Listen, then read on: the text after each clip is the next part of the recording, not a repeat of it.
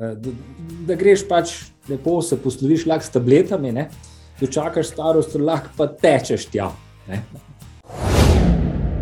To pa moram reči, ne, res, če smo odkriti, da telo postane lahko in izurjeno in, in tekaško gibljivo in, eh, in postane tudi zdržljivo. Takrat res nisi več lokomotiva. Tekaški trener je oče in mati tekačev, je, je, je učitelj veščine, mojster. Eh, ki obvlada potankosti, kako delujejo naše mišice, kako, kako, deluje naš fizis in kaj, kje, kdaj obremeniti. Bil sem izsušen in potem gledam nekje nobenega od kolegov in, in se začnem tresti, veš, šejkati, uprimem se ograje in kar trese, žučni sistem deluje, ne, po svoje. In potem medaljo pa smo tako gor, že obešeno, mislim, da je zelo važno. in potem oni vidijo, da se jaz stresem, grem tja in že dva primeta, kar šotora. Ne? Tek je koristen, lahko je pa tudi škodljiv. Če ga je preveč, če ni tega ravnoteže, če je alp, ampak če gledamo, če je to uh, nekaj, kar imenujemo zasvojenost. Po drugi strani pa je beg od odnosa.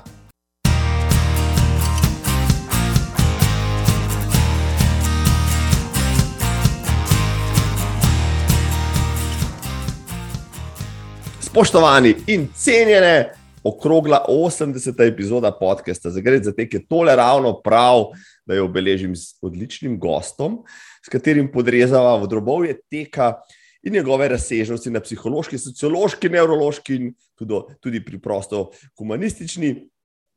Podstati z mano je dr. Beno Arnejčič, Beno živa. Živa. Kako si danes na ta ponedeljkov, ne, depresiven dan. E, ne boš verjel, ali pa boš, ker sem odličen. Za mano je namreč kreativen teden. Uh, mal sem bil v transu, sem, ki je bil tam nekje med zavestjo, ne, zavestno osredotočenostjo, in seveda, uh, um, malce smo šli tudi v podzavest. Ja. Ustvaril sem sliko, ustvaril sem sliko. Ja. Kakšen dober, do, dober uvod sem naredil v tole. Uh, uh, bom rekel, čist uh, običajen like bi rekel. Uh, nanašal sem barve na platno, ampak doktor Rnečič je to mogel povedati na svoj način. Všeč mi je, um, zaseden kot si, uh, Beno, um, povej mi, si danes že tekel, vendarle danes nisem tekel, ker sem si vzel čas za počitek, ki je pravzaprav tako, kot rečejo retoriki. Ja, veš, veš, retoriki pravijo, da dober retorik, odličen retorik je tisti, ki posluša in sliši. Tako da danes sem si vzel čas za slišanje in poslušanje svojega telesa, ki je teklo zdaj po delih tri dni, zapored v manjših kosih. Torej, uh, predpostavljam, da bo to telo sedaj spet uglašeno, uh, teklo, jutri, pojutrišnjem. Jutri, jutri, pa potem spet malo pauze, pa spet pojutrišnjem. To je nekako moj pravi ritem. Ne? Če pa si vzamem manjše kose, ker zdaj si jemljem bolj. Zdaj delam bolj to, manj je več, veš, malo japonskega zena, to je zdaj moje. Zdaj malo drugače gledam na teh, kot mogoče takrat pred leti. Zdaj, če sem spremenil odnos do gibanja, ker subtilno opazujem svojo podzavest in res ti povem, da mi je všeč to. Uh mhm. -huh. to ta odnos do mojega telesa in do psihe, ki se giblje. Pošteno. Ampak. Uh vendar se mora telo potem gibati, da ima psiha kaj za počenjati v tem času. Koliko pa boš potem odtekel jutri, pa kje so tvoji najljubši tereni? Ha, jutri, jutri bom tekel s črko. Uh -huh, tekel bom za Bežigradom, In sicer imamo za ščirko en tak pogovorni tek, ki, ki je šest km, tam od PPST-ja, veš, iz Bežigrada greš Mhm. po, ne, proti mimo Hoferja, pa potem uh, gor, pa okrog žal, pa tam po PST, pa nazaj. In je krasno, in predtem pa še naredim, uh, zdaj, jutri bom naredil, verjetno še nagrad. To mi je ena taka. En obredni tek nagrad po tej krajši progi. Ne. Mogoče je poslušalcem malo znana, ampak je ful dobro, če se hočeš hitro ogreti. Veš, tam od ljudskega gledališča so gore ene krasne stopnice. Ne. Pa da se preizkusijo zajci, ne, in, ne, da vidimo. Ne. Ve, gor, če greš gor trikrat po teh stopnicah, tekoč pa dol, mislim, da je kar izziv. Jaz grem samo enkrat gor, dvakrat to, da se ogrejem. In to je, potem pa še grem ščirko. Tako da za prebuditev je to odlično. Od ljudskega gledališča nagrad, pa en krogec pa nazaj dol. ne. Um, no, evo, zdaj si mi dal izziv, da se grem na te štenge enkrat pomeriti, predtem te bom poklical, kaj je tvoj rekord. Ja. Zato, da vidim, če še lahko pariram. No, no, no. Um, morda za kakšen maraton letos treniraš, kljub vsemu. Uh, letos, ja, malo sem začel razmišljati. Sem začel razmišljati, v bistvu za ščirko smo se pogovarjali, da bi mogoče bil en izziv letos iti na mal spet nazaj, ne, za, na pol maraton, maraton še ne, maraton še ne. Uh, po Berlinu v bistvu nisem potem več na maratone. Zakaj, uh, bom povedal. Uh, ampak uh, nekako 21, mogoče, uh, desetka pa sigurno. O, desetka je taka, ja, desetka je taka ultimativna razdalja. Tam sem malo adrenalinske, veš, uh Mhm. -huh. tam, je, tam ne tečem glih po upokojensko, tam dam vse od sebe. Ne. Tako da pri 56 letih bom videl, kaj se da. Pa če bi natreniral, se da kaj se zgodi. Veš, ker to so me naučili mački, a ne atletike. Tako da, A, v svoji kategoriji, da se razumemo. Ne. jaz sem v tej kategoriji od 40 do 50, zdaj pa samo Ja. še ena kategorija je bolj zagrizena in tekmovalna od kategorije do 40 do 50, to je kategorija od 50 do 60. Tako da, To smo mi, ja. tako, tako.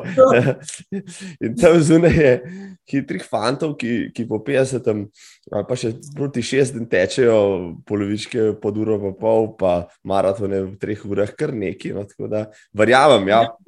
Jih poznava, ne? Ja, jaz jih. Ja, ja jim čas, glej, res, mislim, kapo dol. No, tu- tudi za me, recimo na desetki, še zmeraj ziv teče, recimo pod 40 minutami, kar je en tak menik mal boljšega rekreativca. No, ne, verjamem, da tudi uh, tebi ne bi bilo odveč, če bi, če bi kaj takega natreniral. No? Ti, eh, Ja, veš kako, eh, to opazil sem, da po 50 letu začneš zgubljati hitrost. Ne? To je tudi dokazano, uh, ampak da se nekaj še naviti, ne? še da navi, naviti malo eh, lokomotivo. Uh, ampak, veš, i- je kar treba delati ne, za ta rezultat. Spomnim, smo tekli v Murski soboti, recimo, to je bilo divje. Ne? Murska sobota je bila en tak izziv, desetka pred Ljubljanskim. ne. Tam smo, tam smo se nažgali, pol smo pa šli v Ljubljano. ne. Ne, ne, ti, izzivi so dobri, no, lahko sam potrdim.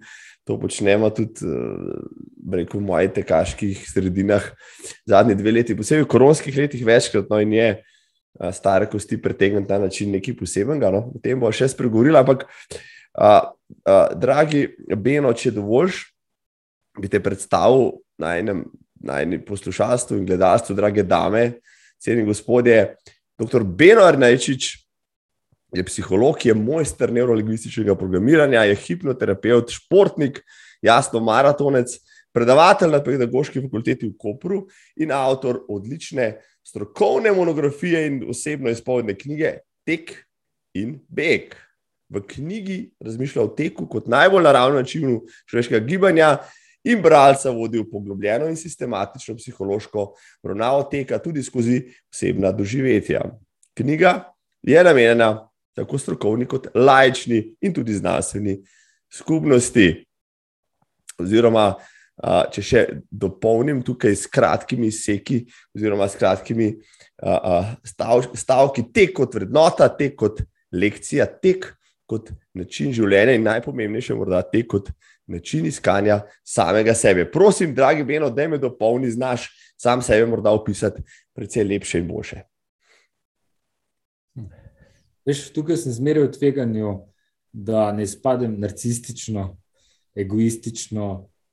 Eh, ker veš, tekači smo taki posebni tipi. Moramo zmeraj paziti, kako smo kot vrhohodci, ki hodimo, ne, da ne zdrknemo. Ampak vseeno, svojo tezo zagovarjam, da je še zmeraj tek tisti, kljub temu, da pač sem zdaj spremenil malo odnos do teka, ampak kar je normalno, da je še zmeraj tek tista oblika naravnega gibanja, kjer lahko dokaj hitro, seveda pod strokovno taktirko, če ne znaš, če pa si se to naučil, dokaj varno. Poskrbiš za svoje, za svoje psihofizično zdravje, posebej v teh časih, in se res zavaruješ na dolgi rok, da ne boš, da ne boš šel, kot je rekel moj seveda, mentor, spoštovani dr. Škov, ne, da pot ne v nebesa, ampak pot v. Eh, da, da greš pač lepo, se posloviš lahko s tabletami, ne, dočakaš starost, lahko pa tečeš tja. No, da, le, veš, vse nikoli ne vemo, kdaj bo konc, Eh, in kdaj je začetek, eh, ampak eh, lahko pa, lahko pa imamo pa to možnost in priložnost, da z, z to aktivacijo telesa skozi gibanje, ki je, je odprav skupnosti držalo hrbtenico in naš um po konci urimo strajnost, uh, pozornost, um, uh, potem uh, pogum, uh, srčnost, tovarištvo, solidarnost, ti dve besedi sta malce že pozabljeni, zato je za nalač izpostavljen. Vse to in še mnogo več, kot bi rekel, hipnotizer. Zelo, zelo lepo povedano. Zelo lepo povedano. Res je v menu ego, če me nekaj, recimo, tega pa maraton naučil, je to ponižnost oziroma ravno nasprotje od ega, saj tam nekje pri 36 km si hudičevo ponižen na maraton in zato ga tečem tako rad znova in znova, zato da mi ego ne preče poleti. Poleti v nebo. No, od teku uh, je tale podcast in o teku se bomo pogovarjali veliko. Najprej vprašanje, zakaj. Obramboslovec, psiholog uh, na pragu srednjih let, sploh začne teči, kdo ga navduši, kdo ga požene v to, uh, zakaj se začne tako samo realizirati. Kot sem odkrito, zdaj iz neke perspektive gledam na knjigo, že. Uh mhm. -huh. In spoznavam, da je v bistvu to bil, je bil moj poriv, če tako rečem. Gotovo, da občutek, oziroma to, da sem, da sem spoznal, kako minljiv sem. Ne? Kar je bil nek normalen refleks mojih let. Ne? Začel sem teči aktivno, tam okrog 40. Kar je seveda še dovolj časa, pravijo strokovnjaki, da lahko narediš daljnoročno kaj za svoje telo. Še. Uh, bilo je par okoliščin, gotovo, kot zapišem v svoji knjigi, je bila tu smrt moje mame, ki je umrla eh, po bolezni, ki se imenuje rak. Ne nadejano, tako v treh mesecih, da noben ni pričakoval, niti nisem imel časa žalovati. No, potem, seveda, je še predtem imel moj stric od mojega bratranca, oče, ki, je, ki pa me dejansko Edo spodbudil k teku. Tako da nekako sem skozi uh, tekanje poskušal to sprejeti, uh, obenem sem razmišljal in nekako tako. tako To je bil uh, poriv. Zdaj, vzroki, zakaj človek začne teči, so seveda taki, kot neke vrste, bi rekli, strah pred minljivostjo, ali pa, ali pa tudi nekako neka motivacija kolegov, češ, uh, gibanje je fajn. Uh, ali pa seveda tudi uh, stres, kar je seveda zelo, bi rekel, delikatno, kajti če smo pod hudim stresom, če smo pod hudo napetostjo je seveda zelo tvegano iti takoj na tekaško progo, brez nekega znanja, ker je lahko zelo nevarno, ne, to veva oba. Uh -huh, uh -huh. To bi izpostavil na tvoje vprašanje. Zdaj, uh, eno od tvojih, rekel, mentorjev ali pa um, avtorjev, po katerih jih študiraš, katerih šole ti uporabljaš v svojih terapijah. Kar Gustav Jung je dejal, da se življenje itak začne šele po 40 letu. Do takrat delaš za druge, potem pa začneš delati za sebe. Se pravi, to, to se opada s tem, kar si zdaj le povedal. Lastna miljivost, pa tisto, kar si že naredil v življenju, pa tisto, kar sedaj lahko narediš za sebe.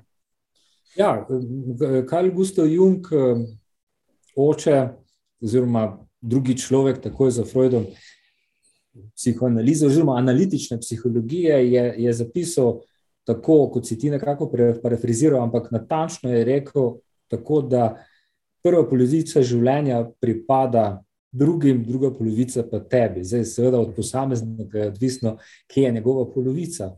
Gotovo je pa, glede na življenjska obdobja, imamo več življenjskih obdobij in gotovo je to. To življenjsko obdobje, ki je tam nekje okrog 40, je obdobje individuacije, ko človek nekako začne eh, se zavedati minljivosti ne, nekega trenutka, bolj začne tudi skrbeti, razmišljati, da pa v bistvu to življenje, ne, kaj sem zdaj naredil, malo začne se ozirati nazaj, ker do takrat juriša. Juriša na titule, juriša na položaje, juriša na, na ženske, moški, seveda, ženske pa na moške da, da ne tu ta polarnost je zmeraj v, v teku. In tako naprej. Ne. Seveda, ustvarja družine, ustvarja si nek eh, materialni položaj, ne. Potem pa nekako začne, kot se tu, aha, kaj bomo pa zdaj, ne. kaj bi pa zdaj jaz še sabo lahko naredil. Ne. Končno imam čas, mogoče zase, pa lahko nekaj naredim zase.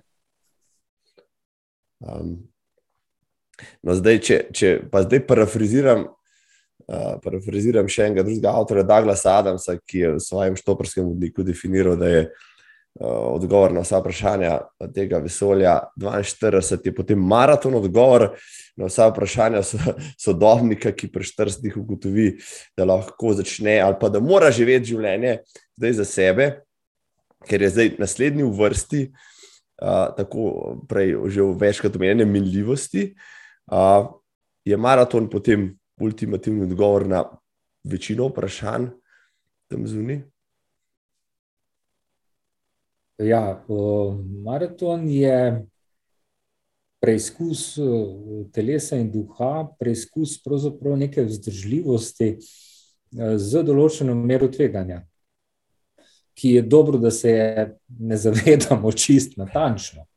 -huh. Ker uh, ne bi rad imel poguma in nimam tega namena, ampak moraš imeti, moraš imeti, se veš, kaj mislim reči, da se lotiš maratona. Maraton ni heca, ne, oba veva. Zelo pomembno je, da se dobro pripraviš na to, in je to ultimativni izziv. To je ultimativni izziv, in še zmeraj sem prepričan in eh, spodbujam uh, posameznike, da preizkusijo vse enkrat ta izziv. Zdaj, če pa to delajo, ne vem, obsesivno, kompulzivno, pa, pa seveda ni zdravo. To, to bi lahko potrdil, pa bi lahko o tem razpravljal dolg časa. Ampak zakaj? Če seveda obstajajo neki pogoji, gotovo je tu uh, srce na prvem mestu, uh, ki mora biti definitivno zdravo. Pravi, svetujem, da, se, da si pregledaš telo. Uh, res pod strokovnim nadzorom, eh, in, in seveda, da si nabereš tudi strokovno znanje, preden se lotiš tega zaloga, ker drugače lahko zelo nevarno obavi. Ne. Da, da maraton je, je, je, je proces. In uh, naučiti se nekega, neke vztrajnosti, neke zdržljivosti, nekega procesnega razmišljanja, ko koš za koščkom sestavljaš mozaik v pripravah. Ampak in še zmeraj za predpostavko, da ti ne uspe. Ne? Veš, to, je, to, je, to je maraton. Ne? To je kot življenje, ne? da se stavljaš do konca vse nitke, potem pa, potem pa v zadnjem teku, ne? v zadnjem treningu, veš, tiste tri, tri krat tri ali pa tri krat štiri, slučajno malo narediš kakšen kilometr preveč, ne? pa ti zvije se gležne. In potem greš vseeno, vseeno greš svoj bikovski vztrajnosti, ne, govorim o sebi, eh, z nogo, tako le gor na pultu avta, brat vozi v Berlin, ne, povito in odtečeš. Ne. To, je, to sem tudi bil jaz. Ne. Zdaj, pač, ne, recimo. Istočni zdaj, da si ne tresel cel kup. Um, Bova bo, bo vse obdelala eno po eno, ampak uh, tvoja pot se pravi, da je tekača začetnika, ki ga je, bom rekel, bratranec, pa potem brat in tako naprej, ki ga je tekaška družščina iz Gorišnice tam preptuju, če se ne bomo tam zvabila v, v Laufarijo, uh, pa do pač maratonskih eskapad v doma in v tujini je bila, rekel, ne, niti ne tako dolga, zanimiva, prav gotovo. Kako se je zdaj, je čist malo hitro urisati, ko Beno prvič natakne neke copate gor in mm. uh, ko se pojavi mm. na, prvi, na prvem uh, štartu svoje prve dirke in mm. dojame, da je zdaj pa tu gre pa za res. Ja, ja pač. Bratranci je živel v Ljubljani, ne, v bistvu v Domžalah, tam smo okrog. To je ena zelo zanimiva proga uh, v podrečju pri Domžalah, pa greš tam mimo Krumperka, ne. tam je ena fuljepa proga. Tam smo mi dva začela tako štepa, te šestke, ne, počasi. No, potem seveda sem jaz uh, padel, uh, potem tudi sem bil, sem začel resno težati, potem, potem je bil nek navdih, slučajno jaz tečem, sem začel sam tekati po Fužinah, pa v hrib, pa nazaj, pa za Bežigradom in srečam Kalčka, ne, vemo vsi, kdo je Kalček, ne, sem primužil nekaj lišnikov, se zahvaljujem, ki me v avto enkrat tako pomaha in jaz pol pišem mu in, in tudi bivša žena Irena mu piše in me spremajo v tekaško druščino eh, poletovcev, ne, to je bilo tako in takrat se je vse začelo, ne. Uh, v bistvu tam noter sem jaz začel teči organizirano, predtem sem pa tekel skoraj dve leti neorganizirano, malo sem se vključeval skozi tekaški forum, eh, ampak seveda so bili to, sem bolj malo videl, da, da, da so fante in dekleta kar hitri. Ne. Eh, jaz sem hotel seveda biti tudi hiter, ampak ni šlo. Dokler seveda nisem, nisem, seveda nisem v tej tekaški družščini strokovno, sistematično, pod dobrim vodstvom začel res trenirati in seveda, kar je bil pogoj, da nisem več bil lokomotiva. Takrat sem jaz se znebil, reci in piši 10 kg. In zadnjih, recimo 8 kg, 7 kg je šlo zlahka dol, one pa ne. In to je bilo potrebno eh, kar nek tek in neka vrste Montinja, eh, Montinjakova eh, metoda ne, prehranjevanja, s katero sem jaz dejansko postal lahek. To pa moram reči, ne, res, če smo odkriti, da telo postane lahko in izurjeno in, in tekaško gibljivo in, eh, in postane tudi zdržljivo. Takrat res nisi več lokomotiva, kot pravi dr. Škof. Ne. Takrat res ne, ker dokler si lokomotiva z vsem spoštovanjem do lokomotiva, ne, je, je pač kar muka to vleč za sabo. Ne. Vse se da, ampak nekako neke, bi rekel, kinestetične in druge vede znajo povedati, koliko obremenitve na koka. Ne? Tako da to je bilo. Potem pa sem seveda tam tekel, tam se je dogajalo. To je bilo lepih deset let, ne, družščine. V Poletovci, v akademskem društvu Slovanu, vmes sem bil, sem se čelo šlano v, v, v akademsko društvo, v krimovsko skupino ne, atletov, eh, ki jih je vodil famozni veteran sem pa pozabil ime, ki ne, uh, in, in nas je. In, in sem se naučil atletike. Ne. To je bil moment, da sem se naučil atletskega teka in sem zljubil stadion. To moram povedati za vse tekače, da je to nekaj fenomenalnega. Večina maratoncev, polmaratoncev ali pa imajo odpor do, do stadiona, ampak stadion je zakon. Tam se učeličiš, tam se ukrepiš. Zato, ker, ker delaš ti, ne, tam srečaš flow. V bistvu. Če imaš ti 22 krogov na sporedu in, je, in si šele na 15, ampak na 16 se ti odpre in se naučiš teči, uh, tudi atletike. Tako da to so bile ene take stvari, v Domžalah, recimo atletsko prvenstvo, kjer sem dobil edino. Eno samo medaljo, ta pravo, v svoji kategoriji, tam visi Atletska zveza, ja, srebrno. Na tri km na stadionu. In potem je to mi bilo dovolj. Potem sem tekel naprej, naprej, naprej, maratoni, Ljubljana.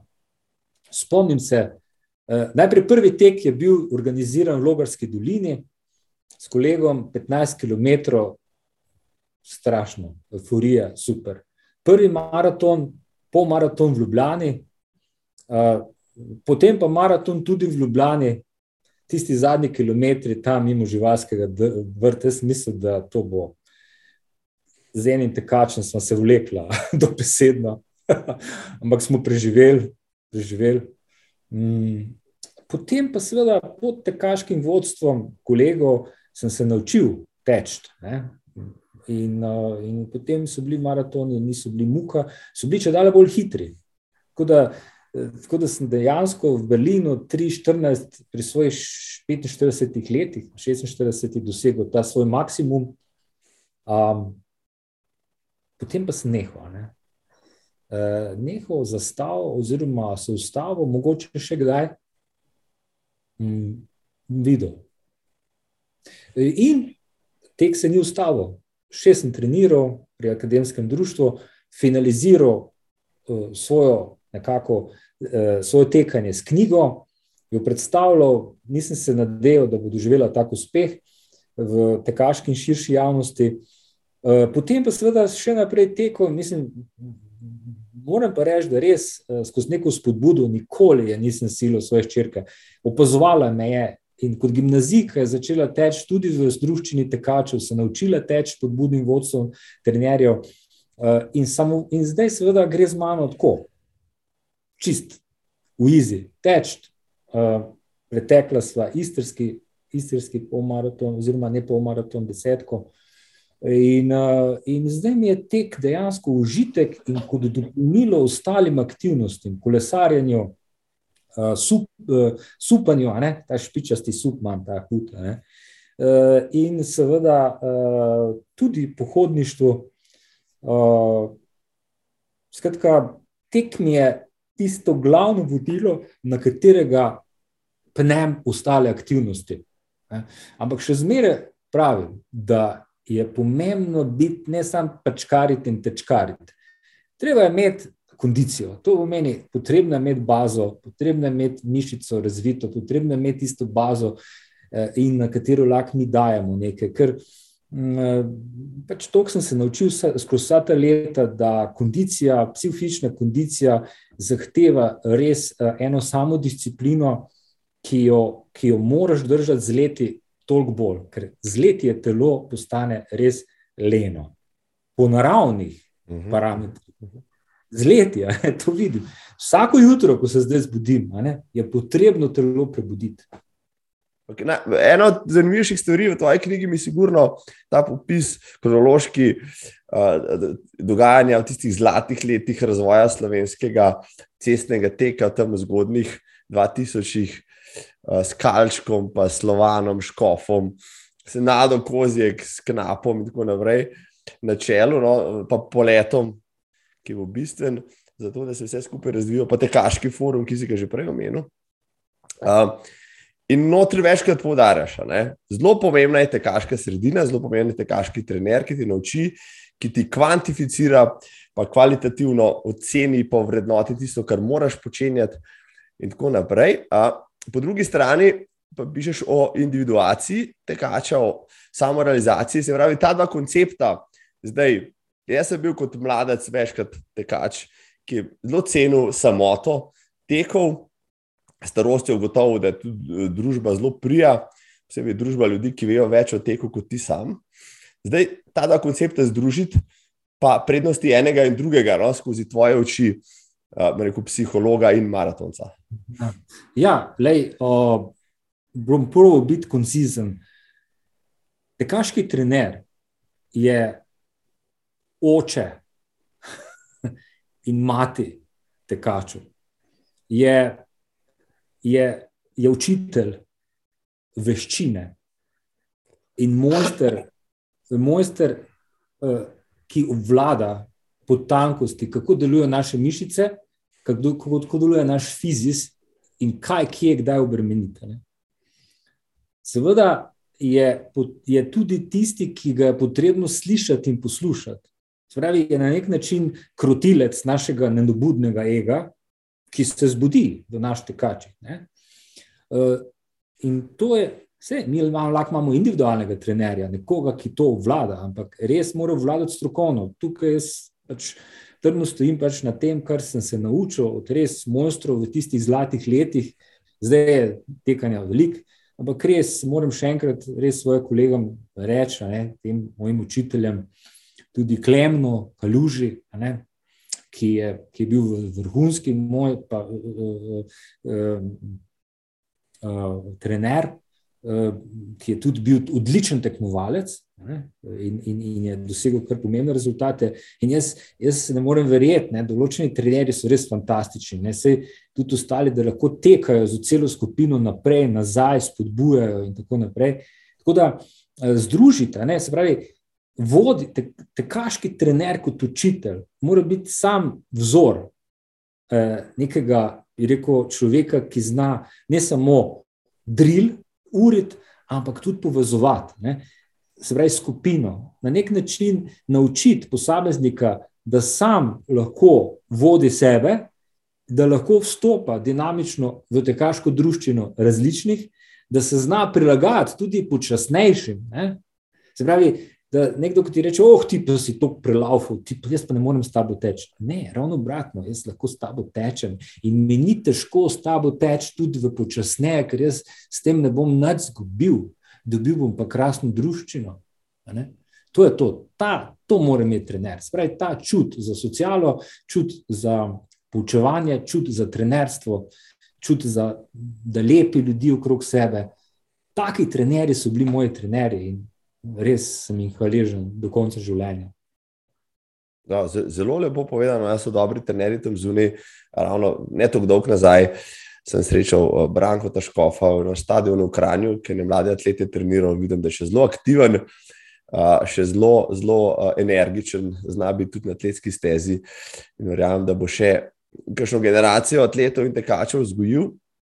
No, Uh, eni stvari bi spregovoril uh, s tabo še morda, ne, skozi čiste kaške oči. Rekl si, treba je, te, telo postane leno, jasno, z leti, ki je treba uriti. Zdaj, um, zelo lepo je, da uh, postavci za cilj, recimo, preteč maraton, ampak to je lahko kdaj tudi cilj, ki si ga, ki si ga, ki si ga čisto prehitro zastavimo, ali pa tekači, frišni tekači v, v, pri 40 ki se reče, da 42 moram preteči maraton, vse dve leti sta ponovadi dovolj. Uh, nekateri bi maraton trenirali pol leta. Zdaj je vloga tudi trenerja tukaj, zna zabremzati uh, navdušenega, nebudnega tekača, ki bi vse v tej rekel, družbi, ki je instantna, ne, vse takoj, čim prej, odkljukati, pa potem gremo naprej. Vsekakor, vsekakor. manj je več in je treba bremzati. Mislim, ker res poškodbe so lahko hude. Ne? Tako da, pa ne samo poškodbe, take, ampak tudi voljo ti vzame. Ne? Če se lotiš, bolj ti volja upade, ne? ker enostavno zablokiraš, se oba veva, če ne prej na 35 ne? Eh, km. No, pa tudi tvegano je, ker nikoli ne vemo, kako se bo telo obnašalo po 35. Ne? Uh, glej, uh, z leti pa seveda, zdaj jaz Jaz ne, ne bom zdaj rekel, da nikoli ne bom, verjetno bom šel še maraton, to sem prepričan. Ampak za to izkušnjo, ki imam zdaj in z, z, z tekom, ki ga, ki ga gradim, kaj ti vemo, to so me naučili učitelji, z starostjo se pravi, maratonec dobiva. Ne? Dobiva ne samo na pameti in modrosti, recimo, ampak da zna nekako dobro ta tempo prilagajati. Ne? Ni več tako hiter, ampak je pa vzdržljiv. Ne? Ko smo mladi junci, mi rečemo na Štajerskem, to bi vse na hitro. Ne? Zato se zalezi, zaleti, zaletimo v zid. Vse se da. Ne? E, hitrost je pač nekaj, kar je naš izziv. Je, je, pa, je pa neka nevarnost tukaj, ki jo jaz imenujem, a, in, je, in je, to pa že stopam v področje psihologije. Ne? E, imenuje se. To je neurotransmiter ali pa hormon, rečemo temu, ki se imenuje adrenalin. To je magična, To je magični koktejl za tekača, ta je hudičev. Ta je, ta je, ta je, ta, tega se, te, do njega treba imeti eno spoštovanje, adrenalin z, z vsemi primesmi. Ne? Ta nas lahko požene v višave, lahko pa zaradi njega a, se pokončamo. Uh, ta adrenalna izgorelost, ki je zelo rekel, v zadnjih letih izpostavljena, ne, posebej v, v luči izgorelosti, nasploh pa stresa, pa vsega tega. Ne, uh, zdaj, kako je dobrega, lahko tudi preveč, no pa da je vaš o tem, kajšno reči. Uh, tek je koristen, jasno. Ne, uh, tek je uh, dobrotljiv za telo in duha, ampak. Uh, lahko pa je teka tudi preveč ne, in postane ravno svoje nasprotje, se pravi, človeka, ki bi ga moral ukrepiti, na koncu na en način ubije. Zdaj bom nekaj prvič spregovoril na tem mestu, tako da bo nekaj frišnega, ne, ker še nisem javnosti. Uh, jaz se zavedam, da ima ta knjiga dve plati. Uh, druga je beg. Ne. In jaz se zavedam, da mnogi tega niso radi slišali, tudi tisti, pač, ki budrijo ljudi za tekače. Ampak pač, uh, z preveliko dozo uh, euforije ne, lahko si naredimo več škode, ne, tekaške euforije kot koristi. Sveda bodo zdaj rekli, oni, o, vse to je to, ne, oni, ki se ne gibljajo, lahko to potuha za ono, ja, končno, ne, kaj je to tekače. Ne, aha, se, evo, vidiš, ne, tudi on govori. Ne, oboje imamo. Te, ki je koristen, lahko je pa tudi škodljiv. Če ga je preveč, če ni tega ravnoteže, če je alp, ampak če gledamo, če je to uh, nekaj, kar imenujemo zasvojenost. Ne? To je pa seveda v današnjem času zasvojeno. Živimo v času, kjer je 75% zahodne populacije zasvojene za vsak, vsako jakimi stvarmi, uh, se pravi z kemičnimi in nekemičnimi uh, drogami. Ne, um, tekaška zasvojenost je, bi rekel, lahko kemična, ne, se svoje, svoje, z svojimi lastnimi hormoni, mi zasvojeni, je pa tudi kemična, ne, se pravi, mnogi rekreativci to več ni skrivnost, jemljajo, ne, da bi kupili svojo mladost pod določena poživila. Ne. Uh, je pa seveda uh, ta adrenalna, uh, to, ta adrenalna, ne, svoja lastna, nas ta lastna kemija nas pokoplje. Ne. Po drugi strani pa je beg od odnosa. Zdaj, kar jaz jasno pišem, sej, jaz povem, ne, sem jaz tekom, koliko sem seveda tekel tudi na nek način iz odnosa. Ne. Jaz to zapišem jasno in to mi ni težko priznati. In tudi moja bivša žena in ščirka to dobro vesta. To je dejstvo. Ne? Jaz to priznam, mnogi pač resnica boli. Če si bodo danes mnogi priznali, je to že pot za začetek. Kot terapeut to govorim, hipnoterapeut. Lahko je beg od odnosa, beg od, uh, beg od službe, od dela, ki nas trpinči, ker danes je ogromno mobbinga, ogromno psihičnega nasilja. E, in taka oblika teka je nevarna. Zakaj? Ker ravno pripelje do tega, kar se imenuje, do adrenalnega zloma, do nihanja v, v, v stresu, ne, e, e, do, do še več stresa. Ne, ker moramo vedeti, da recimo, če imamo mi en stresni dogodek v službi, pa še drugega doma, potem pa gremo mi recimo teč, e, bi rekel. A, Ne aerobno, ampak anaerobno na stadion, gremo tudi z družščino in tam delamo hude intervale, je zelo velika verjetnost, da se bo kaj zgodilo. Lahko imamo srečo, pa se nič ne zgodi. Ne? se lepo zgodi. Takrat, ko se zgodi, ko imamo te primere in si rečejo, zakaj se pa to zgodilo, ravno v fusbaleru, adrenalni zlom. Ne? Počela mu je mišica, ja, valjda se telo ni stroj. Mhm. Se pravi, na kaj hočem povedati? E, tek je beg v zasvojenost, tek je beg e, takrat, ko imamo recimo obsesivno, kompulzivno, ko smo obsedeni, obsesivno, kompulzivno smo obsedeni s tem. In dejansko nam to, to gre tako daleč, ne, da v bistvu s tekom iz, izgorimo. Ne. In takrat rabimo res strokovno pomoč, ker dejansko je to tako kot droga. Ne. Takrat, da bi si dali šuse. Ne. In, in zmeraj dozo na dozo na dozo, in potem pridemo do zida, kjer več ne moremo. Jaz sem imel take primere tudi v hipnoterapiji, um, da, da, da se je potrebno res ustaviti, telo ustaviti in začeti uh, znova. Začeti znova. No, sej, mogoče ta knjiga je ena redkih, ali pa edina, no, ki v slovenskem prostoru nagovarja rekel, tek na ta način, no, da, je, da je tek lahko samo destruktiven, da je treba prepoznati znake, da ni vedno rešitev in da se da tudi to nagovoriti na pravi način. Ampak, da je še ena stvar, se mi zelo utrnila, prej smo omenili že, rekel, flow.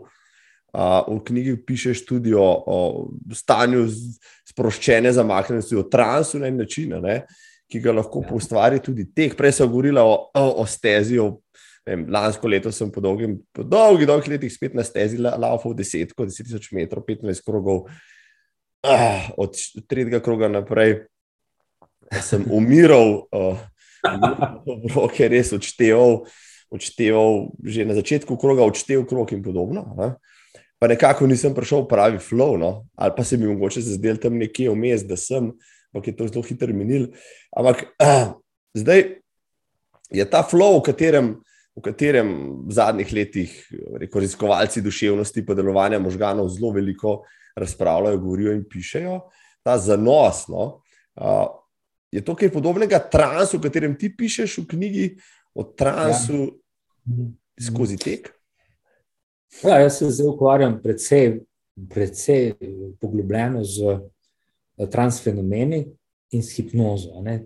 Predvsem proučujem neverbalne oblike hipnotizma uh, in seveda uh, fascinacije. Ne? To so starodavne egipčanske tehnike. Zdaj, vse skupaj ima skupni imenovalec, seveda, uh, prepoznavanje teh uh, transfenomenov. Ne? Tek je definitivno transfenomen. Ne? Ker uh, če, mi, drugače, če ne bi mi bili v transu med aktivnostjo teka, potem bi bili roboti. Ne? Zdaj, recimo, tekaški trener te uči, da bodi lahkoten, da je skaki, skaki, recimo že to, da si predstavlja, da si kot otrok, ki, ki skače bos po travi. In ko si ti predstavljaš že to, seveda, težko si boš to predstavljal z zaprtimi očmi, si v transu. Trans je pa lahko tudi z zaprtimi očmi.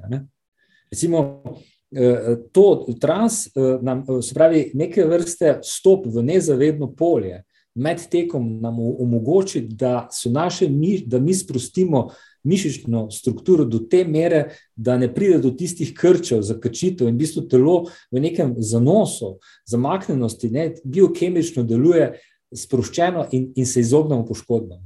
To je recimo en od stvari, ampak je zato treba natrenirati. Ne. En moment, ki se je veliko pisalo o tem, je vizualizacija. To je samo en moment, recimo en del transa. Ne. Drugi trans, transfenomeni, ki se pojavljajo med tekom, so, so, ti, so ti, da se mi dejansko tako pripravimo, da mi eh, dejansko prvo z vizualizacijo, z, z dobro pripravo v hipnozi, eh, ki je načrtovana, imamo različne hipnoze, prav za športnike, ne, to je že v Sloveniji, že jo delajo tudi mnogi. Um, trenerji, dejansko lahko pripravimo tekača, da vteče tekmo tako zelo, kot je, kot je predvideval. Ampak recimo je pomembno, da mi, ne, ko stopimo z transom in z hipnotičnim tehnikom, mi, mi telo, uh, uh, mi vstopimo v podzavestni um, um odmaknjeno do te mere, da, da, da, da je naše telo dobesedno lahkotno. Se pravi, eh, eh, eh, ni tiste mišične zakrčenosti. Tečemo kot otrok, če se izražim z metaforično po bosi travi, boso nogi otrok, kar ga jaz večkrat omenjam, ali pa ti si boso nogi tekača, ne, si predstavljamo lahko te ramuralce, te indijance tam in tako naprej. Oni, recimo, vsa ta plemena, ki so lahko dolgo in dolgo sledila žival, ne, so bile v mhm. transu. Oni, ne mogoče je pojasniti drugače, kako so oni zdržali, da so, da so žival ne, eh, do onemognosti preganjali ne, in je potem ulovili in ne, kako. Um, jaz, sem, jaz sem več prijateljev, no, nekateri tudi recimo zjutraj meditirajo, se ukvarjajo z drugimi tehnikami spodbujanja svoje zavesti, podzavesti, predvsem. No, jaz sem izmeril od, od, odvračal, da moja meditacija, moja transcendenca in način je pa tek. Ne? In da v teku, ki si ga tle okrog koliških manj zamislim, lahko pridem v tisto stanje, uh, ko kljub temu, da reko švicam, pa globoko diham, pa se ukvarjam s fizičnim telesom, tudi na nekem duševnem, mentalnem nivoju, uh, se povežem rekel, z vesoljem ali pa svojo podzavestjo. Ne. Bi se strinjal s tem, no, sej konc koncev, oziroma med, meditacija kot taka, jaz meditaciji, ki je neka stacionarna, statična, uh, ki, ki odmišlja vse misli in, in, in pretaka v neke uh, energijske tokove na način. Uh, v tem nisem nikoli najdel ta, prave, ta pravega smisla ali pa rešitve, medtem ko v teku pa vsakokrat. Lej, si našel pač v teku, zato ker si to združil, ne zavedno si mogoče inkorporiral, vstavil to v tek. Ne? Kako? Poglej, ena od definicij hipnoze je naslednja, eh, oziroma je naslednja hipnoza, je pravzaprav budno stanje z eh, spremenjeno zavestnostjo, usmerjeno pozornostjo in povečano sugestibilnostjo. In zdaj, če pogledamo te tri faktorje in jih dava na tekaško polje, ne, vsi delujejo. Spaj, uh, usmerjena pozornost, absolutno, fokus. Moš imeti usmerjeno pozornost. Uh, spremenjena zavest, itak. Zato, ker kako hitro tečeš, ni nujno, da zapreš oči, ampak čez čas padeš v inflow in takrat si spremeniti zavestnost. Tudi možgan, struktur, valovanje, ne, spravi, eh, valovi v možgani se spremenijo. Ne, če bi zdaj to merili, imamo meritve, ki so jih že mnogi upravljali. In seveda, tretji pogoj je povečana sugestibilnost. Tu pa je zdaj od nas odvisno. Ne. Če, nas, če, nam, če si govorimo neke besede, ne, zmogel bom, uspel bom, ali pa recimo na berlinskem maratonu imamo zunanje motivatorje, ne, kjer so zunanje sugestije. Ne. Recimo, to, je, to je meni bilo zmeraj fenomen, ne, da si na majice napišeš svoje ime in potem te popolni neznanci kličejo: Gema vajte, gema vajte, bemo. Kako pa ti veš, Helga, da sem jaz bil, zato ker imam tu napisano. Pa to je sugestija, dragi moji. To je sugestija, čista. In če, ti, in če ti 50 ljudi reče, gremo vajter, manj beno, ja, ja, veš, da bo šel, kot raketa. Ko, ko, jaz sem dolga leta, velikokrat sem bil v Berlinu, no, in tu nisem prvič na letu na štartne številke z imeni. No, in potem smo o, dejansko tu v Slovenijo to prenesli, to kulturo, zdaj praktično na vsakem teku imaš svoje ime gor. In kako nevrjetno spodbudno je to lahko, ja? Ko se nekdo tam zunaj, ki ga še nikoli nisi videl, zadere tvoje ime, ko trpiš, ko žival. Uh, uh, smo, šele, smo šele zdaj videli. No? In, ja, jaz sem tudi imel nekaj skupnega, Beno, vada so svoj prvi maraton Dlafalo v Ljubljani, pa bom rekel svoj, uh, enega svojih najljubših v Berlinu. Zdaj, zakaj ravno Berlin? Beno? Ja, Ich bin ein Berliner, je rekel Kennedy, ki je prišel v Berlin. Uh, Berlin je, je šmekt, ne? rekli Nemci. Veš, nekaj ima v sebi, ima to, uh, ima to odštekanost. Veš, tam ti ne bodo rekli, tudi če imaš zlato pero za ušesom. Ne, ker so oni so nekaj posebnega. Ta ta prepletanost zgodovine, prepletanost res krute zgodovine, uh, in seveda uh, ta razdeljenost Berlina. Ne? Pa potem spet ta, ne, v teh prelomnih letih, spet, ki so nastale nove tvorbe državne, spet rušenje berlinskega zidu. In vse to ne, se je začelo prepletati, in začetki tekaškega Berlina v tistih zgodnjih 70-ih, če se spomniš, ne pogledaš malo historijat, tisti 70-letni, veš, oni, oni, oni, a veš, Bundesliga tekači z brki, pa stu z svetom, a veš, po onih hlačkah Adidasa, ne, veš, to je to, ne, in potem se množice začnejo zgrinjati, zgrinjati, zgrinjati, nastaja Berlin, Berlin kot epopeja, ne, neke množičnosti, ki je fenomenalna in se steka A veš, kot ena reka, čez, a veš, najprej greš mimo tistega slavoloka zmage, ne? potem tečeš po celem Berlinu, okrog in okrog, in potem se vse cela množična steka čez Brandenburška vrata. Ne? To je magija, to je čista magija. Ne? To je nekaj, kar, je, kar Berlin dela, nekaj posebnega. In še en moment, ne, ki je seveda motivacijski, dejanski, dejavni, kolektivni, to je, da je Berlin zelo raven. Spravi, Berlinu res nimaš neke muke, kot na drugih maratonih, kjer moraš malo trpeti v hrib. Ne. Tukaj pa, tukaj pa na koncu, nekaj že vidiš, Brandenburška vrata, v bistvu se ti tako zgledajo blizu, ne, pa so še tako daleč. Ne.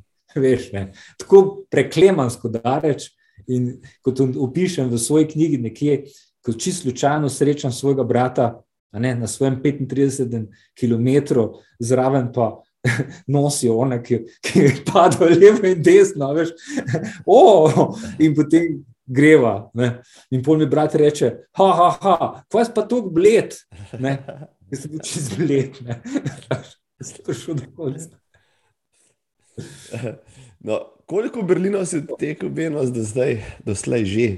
Malo, da preživiš ena, čakaj prvega, drugega, tretjega, je štir.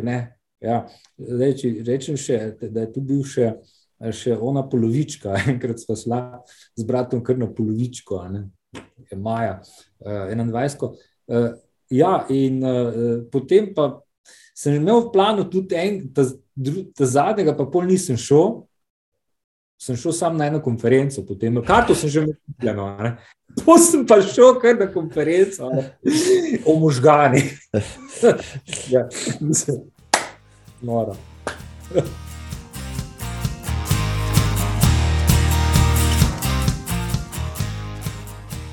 Jaz sem od vseh Berlinov, ko sem bil prisoten, samo enkrat ne tekel. Ne? Takrat sem najbolj trpel, kljub temu, da sem videl, kako je Kipčoge prelafal v cilj, pa tega prej nisem imel šanse videti, ker sem bil zmeraj kakšno uro ali pa dve v zadnji. Uh, no, to sem videl, ampak me ni toliko navdušilo kot samo sodelovanje na tem maratonu, kot si že opisal. Uh, Berlin v vseh svojih nijansah je res fantastičen. No, in jaz mislim, da marsikdo od slovencev, tam gore sem tam gore srečal slovence, ki drugače nikoli ne bi, pa so če samo gor teče maraton, pa nikamor drugam. Tako da mislim, da razumejo to, kar si zdaj le povedal. No, in tudi uh, to je najhitrejši, je berlinski. No, v tej izkušnji moš nekaj povedati, to izkušnji pred met in po, po, po, po maratonskem teku. To je bilo moje, moje reči, življenjsko, do zdaj najbolj sistematično dejanje, kar sem jih naredil. Hvala mojim trenerjem in pripravi, sploh te del, ki mi smo, mi smo res se sistematično pripravljali. Po, po, mislim, da sem stavil vse moje izkušnje, tudi poškodb v te zadnje priprave eh, na ta tek. In moram reči, da sem pol še pred tem tekom odtekel še en skoraj da cel maraton okrog PST, pa še dodal nekaj, kar ni dovolj. Ne. Um, uh, in uh, bil sem res pripravljen, vrhunsko. In tistega, tistega lepega večera, ne, moram reči, da smo, da smo si, Branko je bil tudi zraven, mislim, da je bil moj cimer, kofa, ne, državalo je, kaškafa, mislim, kaj državalo. Celo noč je državalo to, sem, to ne bo. Kaj bo to? Oh, vse bo, je rekel. Šli k rakete, kasneta sekira. In seveda, drug dan je bilo tako oblačno. Ne, ne bo nad Berlinom se ni odprlo, nikakor. Ne. Jaz pa seveda se oblečem, kot je poletje. Veš, majčko z napisom Beno, ki je bila gor že odtisnjena, tako kratka, kapico in hlačke, uprijete, cupate in to je bilo to. Ne in gasal. Ne. Začelo je deževati in deževalo je več čas.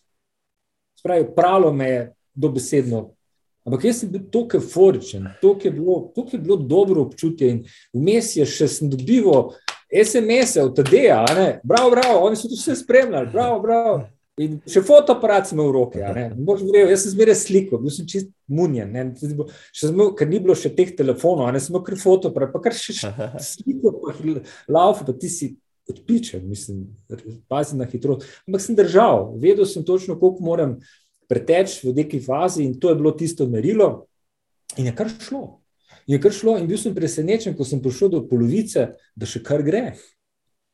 No, in to mi je dalo nekega zanosa, uh, da sem kar tekel naprej. No, ta motivacija je bila silna. Ves čas sem tu seveda pazil, da nisem pil vode, pil sem seveda izotonične napitke, tudi par gelov sem pojedel. Ne? Ampak dejansko potem je pa to šibal, na koncu preletim čez Brandenburška vrata, še vem, en Nemec je bil z mano, uh, in potem se ustavim, če euforičen, začnem, ni, ni bilo nikjer nobenega, da bi kaj nas ogrnili, ne vem, kaj je bilo to, nobenega toplega čaja. Jaz sem prav, bil sem izsušen mhm. in potem gledam, nikjer nobenega od kolegov in, in se začnem trest, veš, šejkat, uprimem se ograje in kar trese, žučni sistem deluje, ne, po svoje. In potem medaljo, pa smo tako gor, že obešeno, mislim, da je zelo važno. in potem oni vidijo, da se jaz stresem, grem tja in me že dva primeta, kar v šotora. Ne? In sem se šejko, štiri so me prijeli, jaz sem kar se šejko. On me je skar kržilo, in seveda sem bil potlajen.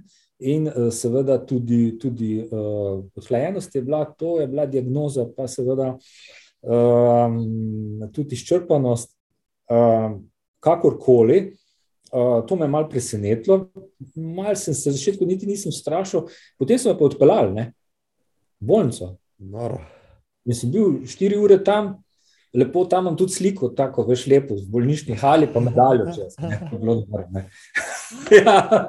In potem pridem nazaj, ne, iz tiste bolnice, Silvija pride po mene, smo se ustrašili. In bo Branko reče: Kva zdaj, mislim, kva zdaj, zdaj si pa dobo, ne, zdaj si pa dobo šusa, ne, no, Krat so pa če vapčiči pasali, to pa, pa dve palečinki, to je bilo noro. Koliko je bila izčrpana z velika. No, glej, suma sumarom, bila je šola, eh, podzavestno, verjetno malo strahu, eh, da še danes nisem pač šel, verjetno bi moral to premagati. Zdaj, kaj je bila napaka? Dobra pripravljenost, eh, vse je ok, verjetno sem podcenil vreme. Ne? Spravi, eh, podhlajenost, nisem, no, veš, premalo sem bil oblečen uh, in tudi na koncu bi moral poskrbeti, ne? reči komu, da bi me ogrnil, da bi mm, spil. Mm -hmm. To je res. Če je hladno, in če, je, in če so take okoliščine vremenske, in če je prevelika motivacija, kljub dobri pripravljenosti, ne, se ti lahko to zgodi. Se pravi, to, to pač ko povem, ne, kot čutim. Zdaj, vsak, je pa, vsak je pa svojega telesa gospodar, vsak je sam, koliko lahko zmore. Ne. Ampak 3-14 pa je rezultat, ne. to pa je dejstvo in to je tisto, kar ne še zmeraj rečem. Le, uspelo mi je, uspelo mi je. No, 3-14 je odličen rezultat, to je na tempo dobrih 34 na kilometr, vseh 42 km, če sem prav pogledal tvoje mestne čase, si imel polovičko tam uro 32, kar je še hitreje. No? Potem si malo popustil, ne niti ne veliko, no? in zaključil ta maraton, res uh, fantastično. Koliko treninga pa si vložil v to, no? recimo, da poslušajo naj zdaj le tudi. Kači srednjih let. Eh, rečem, to tudi v knjigi opišem, ne mogoče v tistem kronologiji.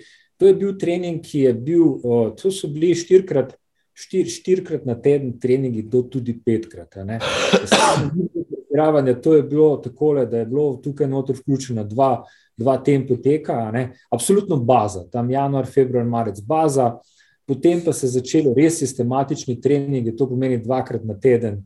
Smo imeli treninge v društvu, kjer smo tekli uh, enkrat intervale, ne? sistematično smo začeli od od kilometra, pa potem mhm. ali pa pet, pa na zgor do tri, štiri, štiri kilometre.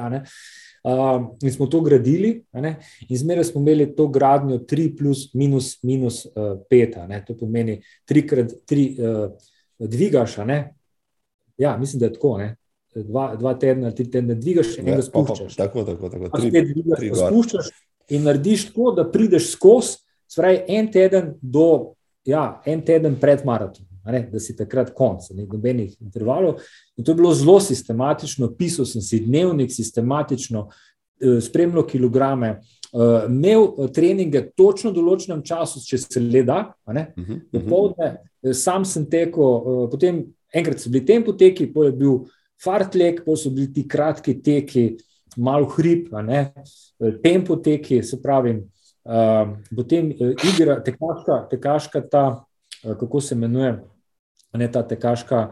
Uh, ja, seveda, veliko je bilo tekaška beceda, ne, spravi, veliko, ure, veliko vaje za moč, uh, vaje, vaje ne, tega spodnjega dela, absolutno ogromno. Ne, da sem imel močne, močni, ojačen ta del, a ne spodnji, ki je ključen, uh, noge, tudi gležnje. In seveda je bilo. Pomembna prehrana eh, in hidracija. Ne. Se pravi, eh, jaz sem več čas jedel, več ali manj, dokaj beljakovinsko hrano, mešano zjutraj,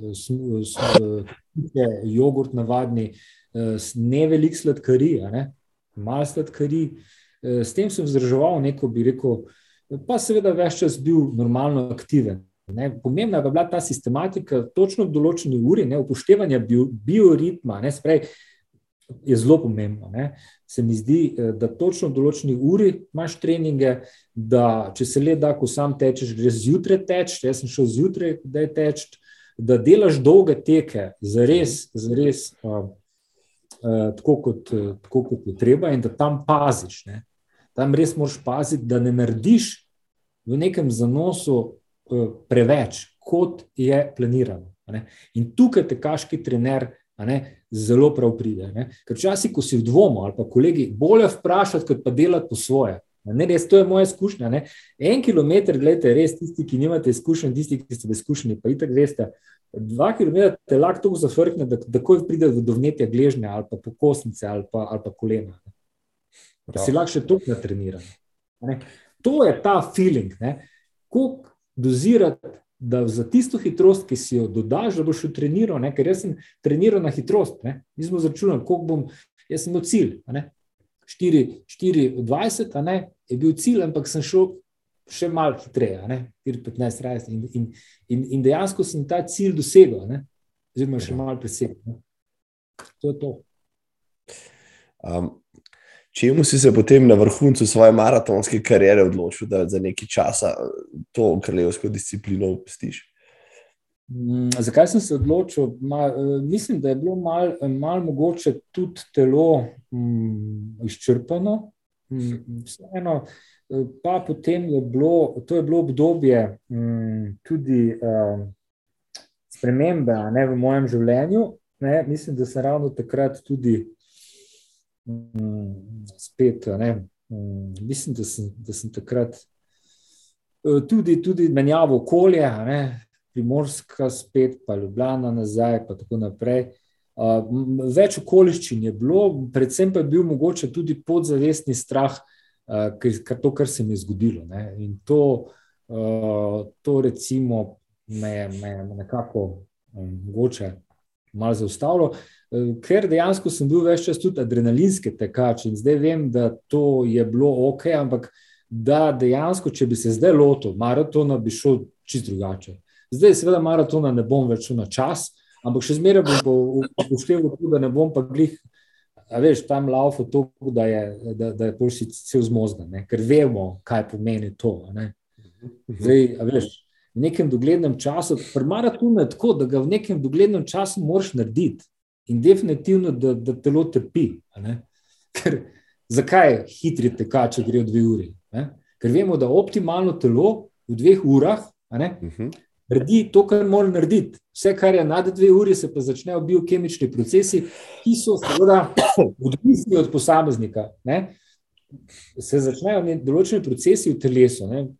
ki so drugačni. Ne? Vsi vemo, kaj se začne pri treh, recimo, dogajati pri treh urah. To je ušes, recimo, slišiš drugače, zaznavaš drugače. Uh, ja, to je to. No. Tako da, mogoče še kdaj. Ja, veliko pišeš, oziroma tudi govoriš o teh uh, dveh urah, oziroma o 90 minutah fizične aktivnosti, ki sledi 30 minut počitka. Okay, za, mhm. rečemo, če se pri vrhunskih maratoncih to pomeni maraton. Okay. Če govorijo o rekreativcih, pa boš rekel potem, da je idealna razdalja, polovični maraton, ko lahko uh, maksimalno požanejo učinke, pa minimalno uh, negativnih. Ja, nekako tako, gledaj, jaz se sklicujem na enega, uh, enega avtorja, uh, oziroma enega zelo priznanega zdravnika. On je v, v Kopru, a ne zdravnik, uh, ki ga pišem, ki, ki mi je seveda zelo natančno razložil, kaj se dogaja, ker je, ker je v bistvu športni, doktor športne medicine, ne, oziroma de, delovne medicine, ne, medicine dela. Uh, in je natančno razložil, kaj se zgodi z srčno mišico, ne, pod velikim naprezanjem ne, in naporom. Ne utrdi. Tako da, glej, je nekako bi lahko rekel, da uh, pretiravanje ni dobro. Ne? Je res treba poslušati svoje telo. Glej, kot antropolog, ne, tudi lahko rečem, da, uh, da je človek sui generis. Uh, vsak je pripadnik svoje vrste, dva si nista enaka.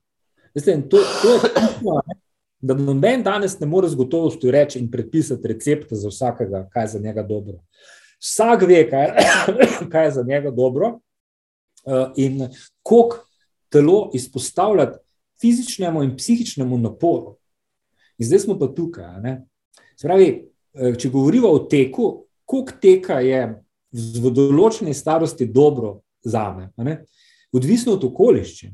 Pravi, gotovo je to, uh, ne bi zdaj rekel, da tisti, ki tečejo ultramaratone ali pa vse to prav. Vsak si izbere nekaj, kar v tistem trenutku čuti. Ampak jaz vem, da zdaj mogoče je za moje telo in moj način življenja, recimo, dobro, recimo, teči 21, ko, to je tisti nek napor, pa potem kakšno desetko, iti na kakšne manjše, pa, pa sproba ta adrenalin tam. Ne.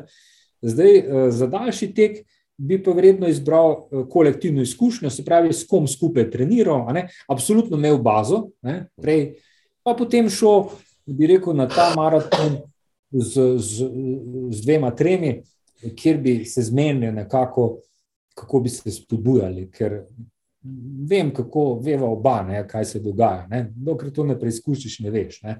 In, in uh, uh, Tako da nekako ta ultradijalni ritem, ne, ta iz hipnoze prihaja. Ne. Ultradijalni ritem je pravzaprav ritem, ki, ki pomeni razmerje med časom in med, seveda, uh, uh, dejavnostjo. Ne. Se pravi, mi uh, nekako naš žilčni sistem, ne, to, to, to ne smemo pozabiti, da je naš žilčni sistem tisti. Ne, se pravi, vegetativni žilčni sistem tisti, ki nas nezavedno usmerja, oziroma nam uravnava našo aktivnost.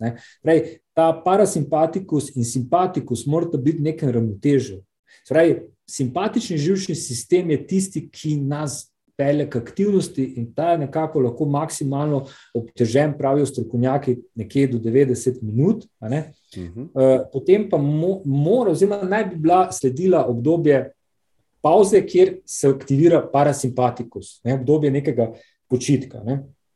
Spravi, in to velja za kakršno koli dejavnost, tudi, ne, predvsem pa za naporno fizično dejavnost, kajti na tem vrhuncu ultradijalnega ritma se, je zgodi, se zgodi stres, ne, potem pa moramo telotu dovoliti, da se odpočije od stresa. Ne.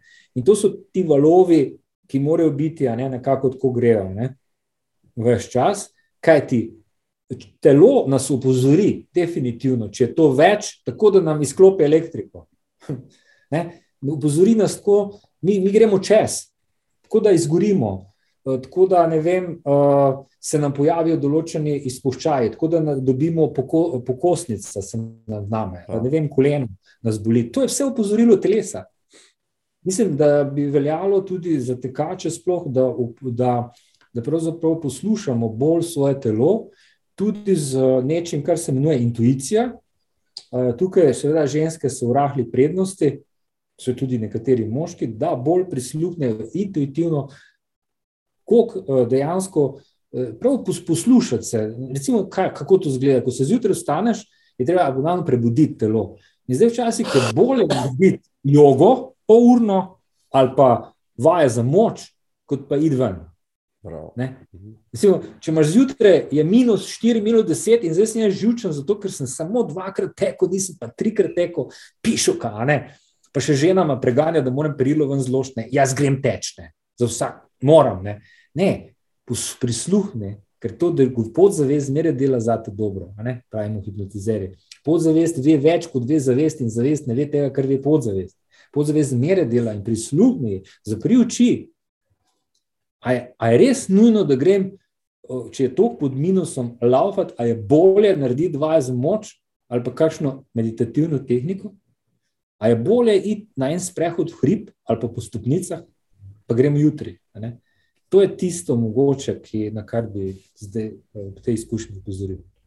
No, če so pri poslušanju super, je bilo tole, a, a, si mi dal zamisliti, ampak če so že pri poslušanju telesa, no, pa, pa signalih,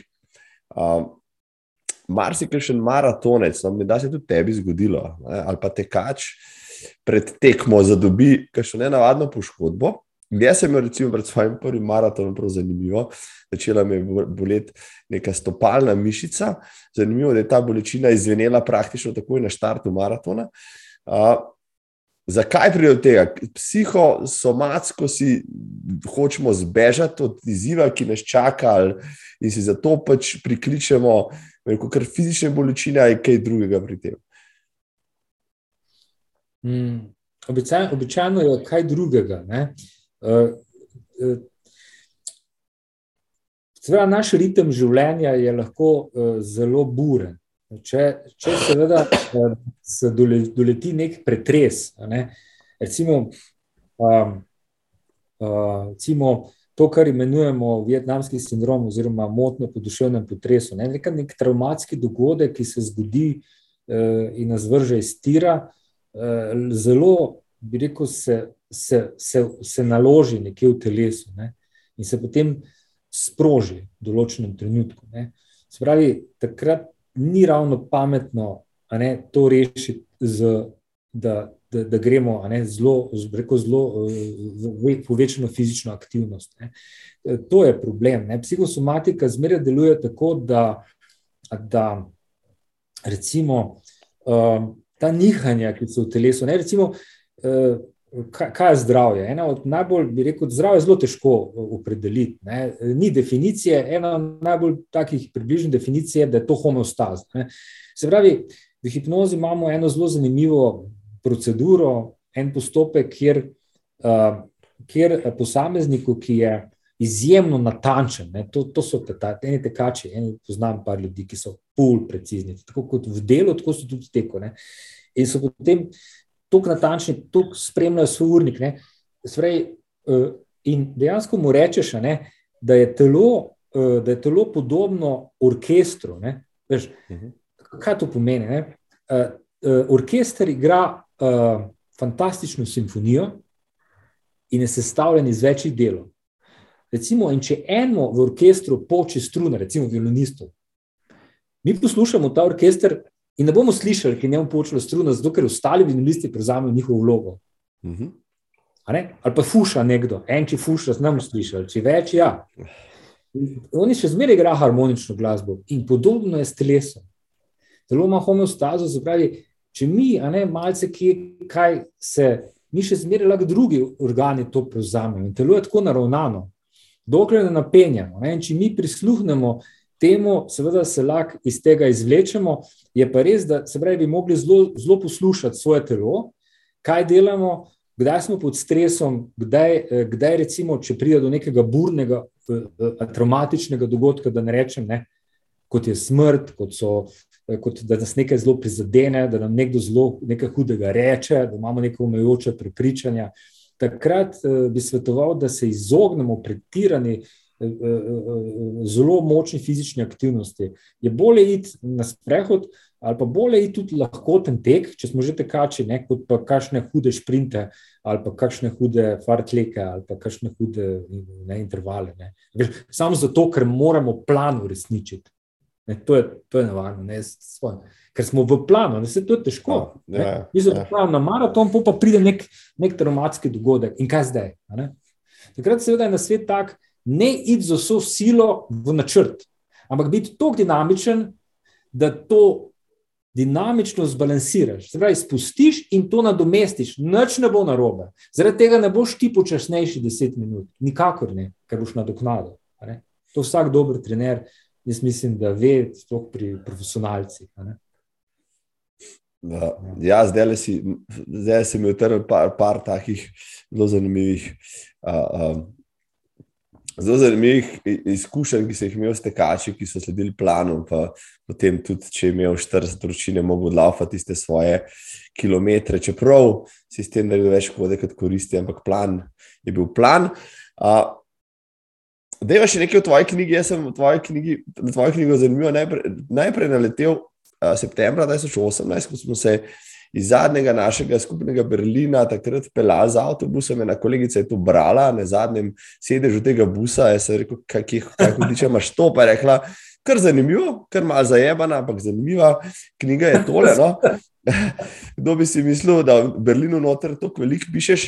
No, knjiga, uh, si dejal, je nastajala dolg, dolga leta. Uh, Način, kaj pa je bil povod, da tekste o ne, zavesti, pa v nezavednem, pa v transu, pa v arhetipih tekačev spraviš v neko tako knjižno obliko. Kako, dejansko eh, se je vse nalagalo, tako, tako po plasteh. Najprej sem mislil to knjigo narediti tako zelo kot nek priročnik. Veš, oziroma, najprej sem razmišljal, da bi naredil kot nek tekaški dnevnik. Ne. Pravi, moj izkušen kot neke vrste zahvalo mojem, moji družščini, ki, ki me je spodbudila, ki mi je v bistvu na nek način uh, omogočilo ta stil življenja. Jaz ne znam, mislim, jaz nimam besed, da, jim, da bi se jim zahvalil. To, kar sem danes, da lahko tako razmišljam, je definitivno eh, zahvala uh, atletskemu društvu in, in poletu. Vsi ljudje zavedajo, da je dejansko samo aktivno telo, telo, ki je, ki je v kondiciji, lahko razmišlja in, in normalno deluje. Ne. Potem pa se je začelo nalagati, veš, pa je v skladu z mojimi aktivnostmi, Eh, ki so sledile, lepo, ko sem končal, veš, pa sem videl, aha, da je dosti principov, ki bi se jih dalo preplesti. Pa sem začel ukvarjati s hipnozo, pa sem videl, da se tu noter ne našel, sem recimo v knjigi, noter, da, da so tudi hipnoze za športnike, tekače eh, in druge. Ne? Tako da se je večplastno to nalagalo in je zorelo, ne? Eh, zorelo, se prepletalo. In tako, tako sem potem v nekem, nekem trenutku jaz to združil In res v nekem nenadejanem trenutku na Hoferjevem parkirišču uh, se spomnim, uh, seveda, naš kolega um, Rugla, ne, samo ta, imel sem njegov mobil, ne, kako dobro je imeti mobil, številke, res, to je dobro. Kaj ti? Njega sem pa dal not telefon. Pred mnogimi leti, ki pišem tudi noter, ko sem bil povabljen, da predstavljam v družščini z njim, pa še ne vem, kdo je bil. Mislim, da je bil tudi Urban. Ja, Ur, ja, Urban je pretekel s svojimi urbanimi. Takrat smo še v knjigarni predstavili knjigo od Murakamija v slovenščini in seveda sem si jaz njegovo številko dal not. In jaz pokličem samo ta na Hoferem prekrišču za Bežigradom in rečem, jaz sem to tako kar direktno, jaz sem ta pa ta, imam tvojo številko, mislim, sem naredil knjigo, ja, pa še je kar nekaj teh knjig, je rekel, nekaj tazga. Ja, ampak moje pa v tem, ne, pa pošli. Ne, seveda, in beseda je dala besedo, očitno je bilo ok, ne, da v poplavi vseh teh knjig, ki jih je bilo do takrat že veliko, ne, vemo, da tekaški knjig danes morje, ne sprejme to. Moram se mu zahvaliti, da mi je zelo zbrusil za svojo veščino, da mi je dal par koristni, da je knjiga tekla. Veš, to sem upravljal, tako da je bilo res, da je to neka celota nastala. Uh, ja, knjiga je na nek način malo hektična, ne? ampak to je ravno na meni, jaz sem hipnotizer, malo težka, malo zatežena. Ja, ravno zato, ker junk ni lahek. Ne? Mhm. Pač, ne? Zakaj, glej, mislim, vse dost lahkih knjig. Ne? V knjigi se treba malo. Zdaj, tu bi rekel, tako kot je rekel, mislim, da James Joyce, ali kdo je rekel, ne, če te knjiga nalopne po glavi, vrži stran. Vse, tistega, ki ga lopne po glavi, bo bral tisti, ki ne pa tudi ok, meni čist kul. Še malo druge knjige. Lahko, lahkotnih knjig je dovolj. Ja, se, kdo je rekel, Einstein, kdo je rekel, stvari treba poenostaviti. Uh, ampak poenostaviti samo toliko, ne, uh, da še uh, stojijo skupaj, pa ne več. Ne. Se pravi, narediti iz, uh, tež, iz težke teme banalno ne, ali pa lahkotno branje. Morda, pravzaprav uh, kontra medvedja usluga tematiki. Uh, Maš ti mogoče, rekel si, poplavate, kaških res je, no, morakami bi me da, poleg kar nas za takrat, se spomnim, to je bilo 2010, 2011, 2009-2011, ena prvih knjig v slovenščini, v teku, no, kasneje tudi slovenskih avtorjev, kar nekaj tudi omenjeni, Rugal jih je nekaj izdal, pa spet eno piše, Bog pomagi. Ja, um, Maš ti moče kakšnega umiljenega tekaškega avtorja, nasploh, ne vem. Enega, uh, samo tem avtorstva zdaj tukaj, samo da pogledam, Running Philosophy je naslov, mislim, da je to umenjena. Uh, to je en tekač, ki je, ki je kot filozof napisal knjigo. Uh mhm. -huh noro. Ne? Zdaj, uh, moram reči, da zadnja knjiga, uh, ta zadnja knjiga od Libermana, kako je že naslov, pomaga mi, prosim, ki govori o. Exercise, ja. Uh, ja, ja, ki govori o teku, o gibanju ne, na nek antropološki, drugačen tako način, ta je tudi zanimiva, ker ta v bistvu malo umirja strasti. Torej, Nekako bi rekel, da je moj moto danes še zmeraj, ne, jaz sem bil na Japonskem 2014, tam sem tudi tekel. No, reči, in manj je več, ne. manj je več. Ne. To, to, je, to je bi bilo fajn, ne, da, da imamo pri teku in da če nekako še naprej prepletam. Ne, mislim, ta moj stil, ki sem ga našel v tej knjigi, se bo nadaljeval, gotovo v naslednji. In glej, uh, uh, je nekako je uh, zdaj od teh dveh avtorjev, gotovo, ker Nazis je za me kar sem ga prebral, uh, ful zanimiv. Uh, potem, uh, gotovo, uh, knjiga, knjiga uh, Ultramaraton ali pa teh treh naših fantov je tudi zanimiva. Ne na zadnje, tvoja je iskriva, ne, tako dinamična, ti. Uh, ja, le, je tudi ena izkušnja, zelo, zelo hvale vredna izkušnja, poročam.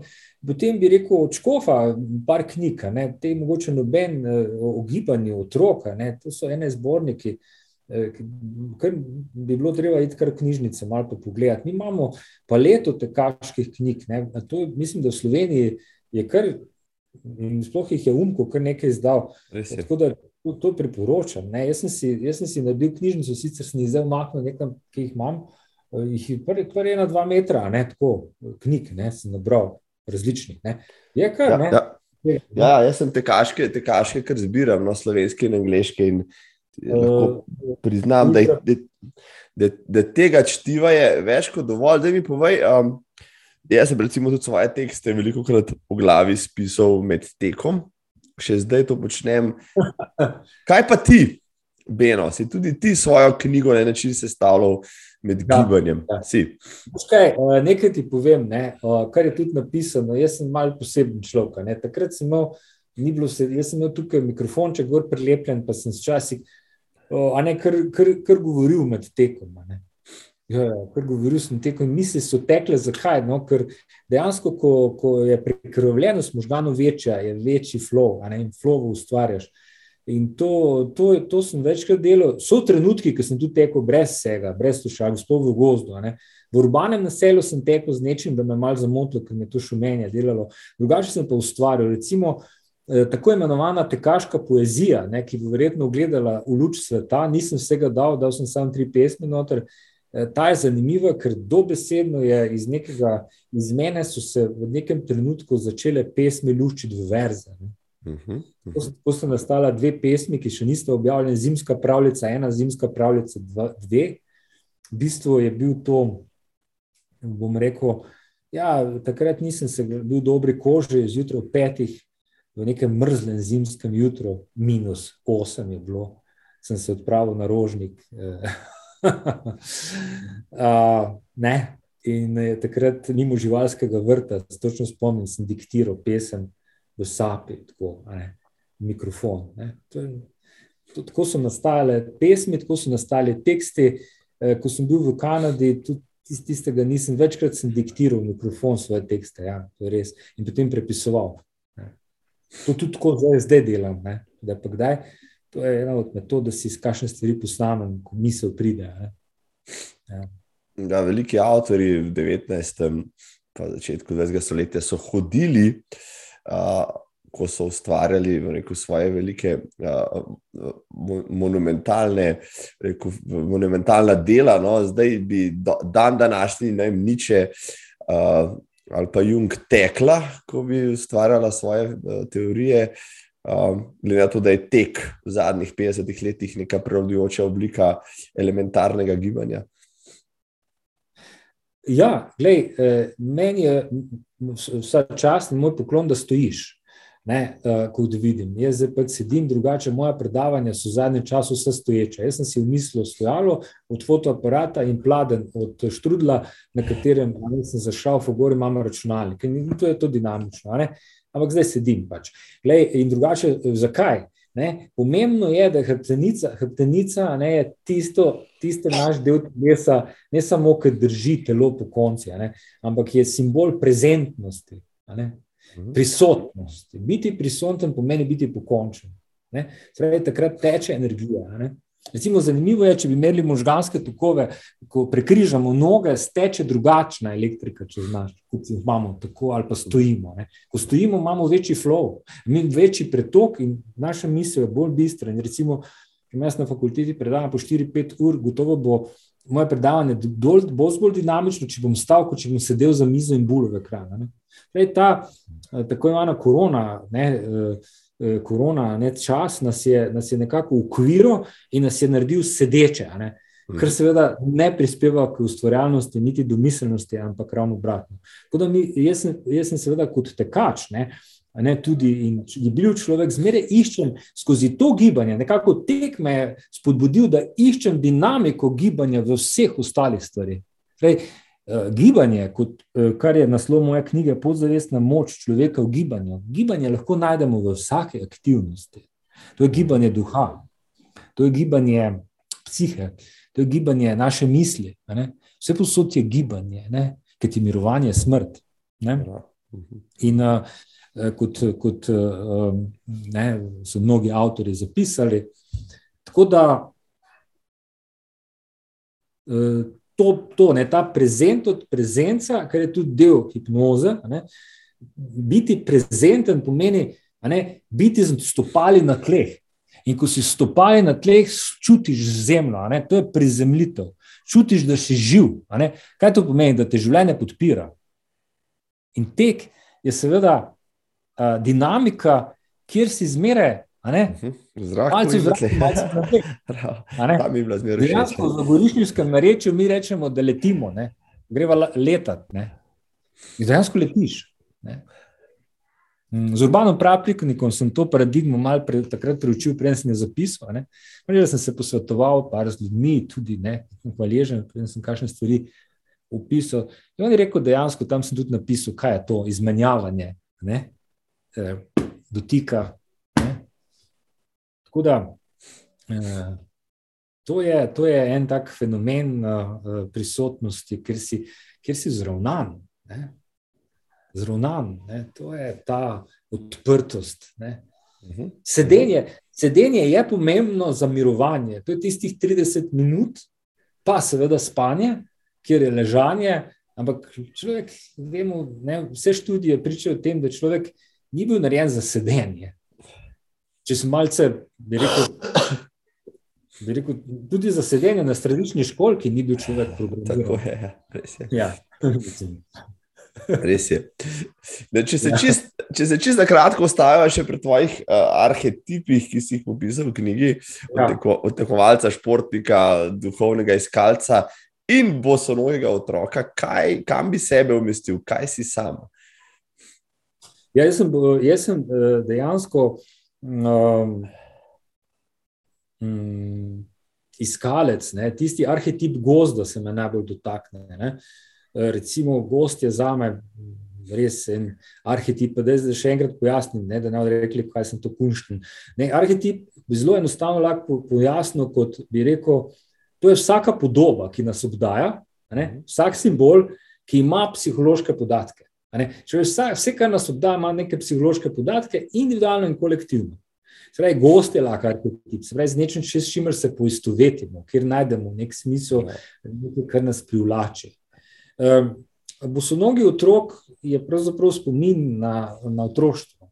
Gotovo me je to zaznamovalo, da sem bil rojen uh, na deželi, na prostranstvu Tujskega polja, kjer je ena velika širina in In še takrat je bil še na polskih cestah prah, ne? zdaj ga več ni, ker je to je so to nadvozne cigle ali pa ne opeke ali pa kakšni šodr ne? in celo asfalt. Zdaj, že, zdaj so že začeli asfaltirati ne? polske poti, ne? kar je seveda slabo. Ne? Tako da to bi rekel gost in, in, in seveda otroke. Že prej si omenil, da moče sploh narava, ki je dosti razdelati, ko se pogovarjamo o tem, kako sodobno otročati otroke, spodbuditi v gibanje, je zgled najbrž prva stvar, ki jo moramo ponotraniti, pa izvajati na način, pa bodo potem tudi otroci sledili, ali še kakšen drug inštrument, s katerim bi ja. to, že prej si rekel, sedečo ne, populacijo, ki je vedno bolj taka, spravili v neko gibanje in da najdejo radost tudi v tem. Ne. Zdaj si se dotaknil mojega pedagoškega poslanstva. Uh mhm. -huh. Nekaj časa z radostjo počenjam. Mhm. Poleg tega, da sem raziskovalec, predvsem podzavesti, sem pa predvsem učitelj. Ne? In v tem nastaja zdaj nova knjiga o mojem pač, uh, poučevanju s fascinacijo. Uh, gre za to, da uh, je ena največjih dejansko izzivov danes sodobnega človeka, kako mlade ljudi navdušiti za to, da bodo našli veselje, motive v gibanju. To je mogoče večji izziv kot odkritje, ne vem, virtualne resničnosti. Zato, ker eh, recimo, zato pravim, ker jaz poučujem vzgojiteljice tudi. Da je vzgojiteljski poklic eden najpomembnejših poklicov. Mi, eh, prvič je to njega, to nors, in potem je vzgoja. In uh, vzgojiti mladega človeka, da bo, da bo nekako gibljiv v umu in telesu, ni, lah, ni, ni enostavno. Zaradi tega, ker, ker je skupnost se spremenila. Ne. Sodobne družine niso več tako homogene, kot so bile, zato ker so pod tnalom krutega kapitalizma oziroma korporativnega korporativizma. Ne. Danes več ne govorimo niti o klasičnih državah, ne tipa, ampak govorimo o korporacijah, ki ubijajo duha v človeku, ubiču Boga v temi, reče Srbi. Ne. To je huda stvar. Veste, tega si ne smemo dovoliti, oziroma z drugimi besedami, ne smemo si dovoliti, da se dotaknemo našega dostojanstva. Družina kot temeljna celica, ne, pa ne v onem nekem tradicionalnem, ortodoksnem smislu, ampak dejansko je naša vloga kot očetov Eh, ali pa kot mater, ne, da mi, ko, ko pač imamo to mlado bitje, ne podmorati, ampak z svojim zgledom uh, spodbujamo gibanje. Ni nujno, da je to tek, ni nujno, ne, da ne bo zdaj spadlo, da ja, okay, to gledajo tekači. Ampak definitivno, kaj drugega začeti.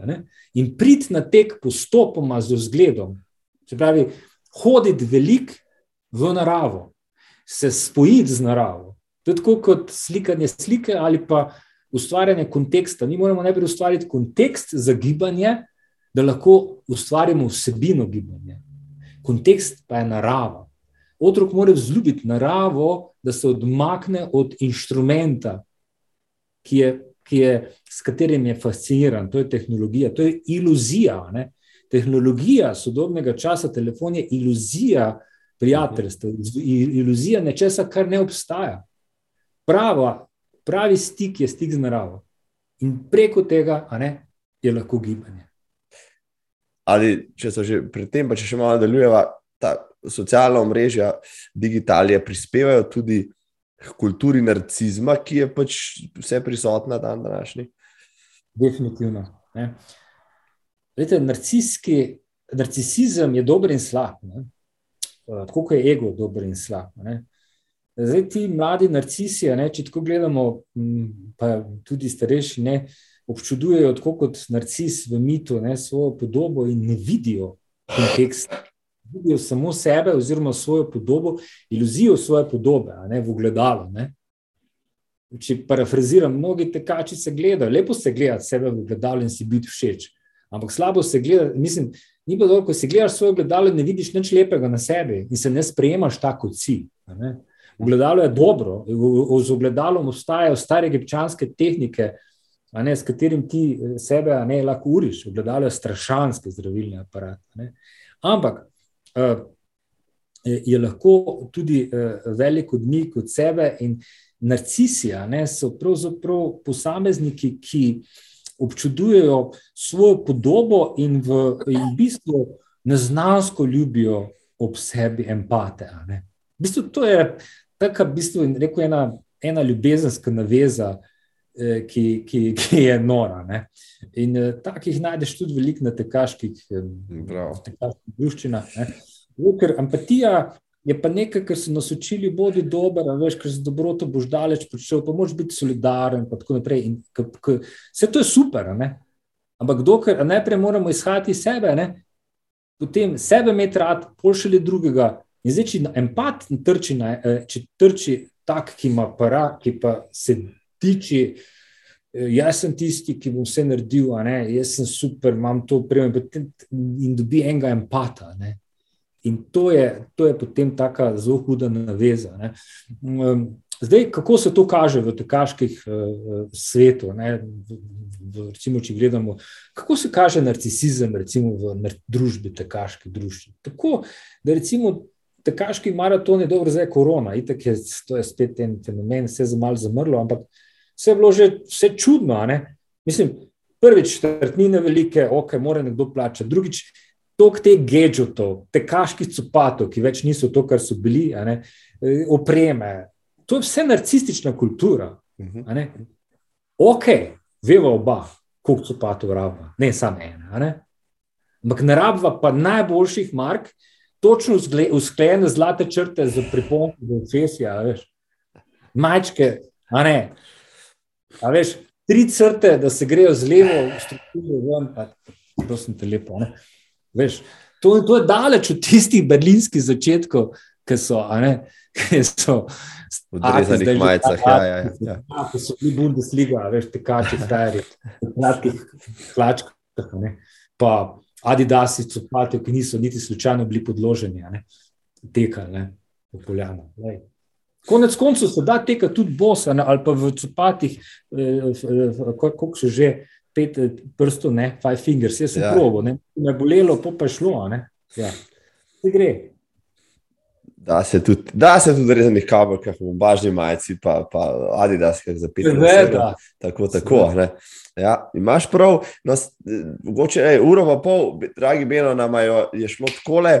No, že. Ja, ne, ne moreš reči. Ja, izvrsten sogovornik si, uh, izjemno elokventen, artikuliran. Uh, cel kup vprašanj še za te, očitno bomo morali to še ponoviti. Uh, ampak ker sem rekla, da je 90 minut ta prava doza za, za fizično aktivnost, potem pa sledi počitek. In ker veliko poslušalcev tega podcasta tole posluša na teku, da jih ne izmučiva preveč, mogoče še zadnji del vprašanja. Um, mene zmeraj sprašujejo, kaj bi počel. Če ne bi mogel več teči, in me je groza odgovarjati na to vprašanje, ti pa imaš, že prej si dejal, cel kup enih alternativ, supaš, pa kolesariš, pa plešeš in tako naprej, dopolnjuješ, integralno sestavljaš gibalne uh, uh, preokupacije svojega življenja. Torej, če ne bi mogel več teči, pač ne bi bilo konec sveta, vendar le za tebe. Vsekakor ne. Ne bi bilo konec sveta, gotovo je ples tisti, ples salse in vrčate in drugih ritmov, ki mi lahko s pridom nadomešča. Tek, gotovo, salsa je lahko zelo intenzivna. Moram reči, da kakšen uro, pa pol trening salsa odlično nadomesti kakšen tek. Eh, pa še ni. Dejansko pri plesu ne moreš se poškodovati, razen če ne delaš rock and rolla, ne plešeš ali pa kakšnih ljudi zadev.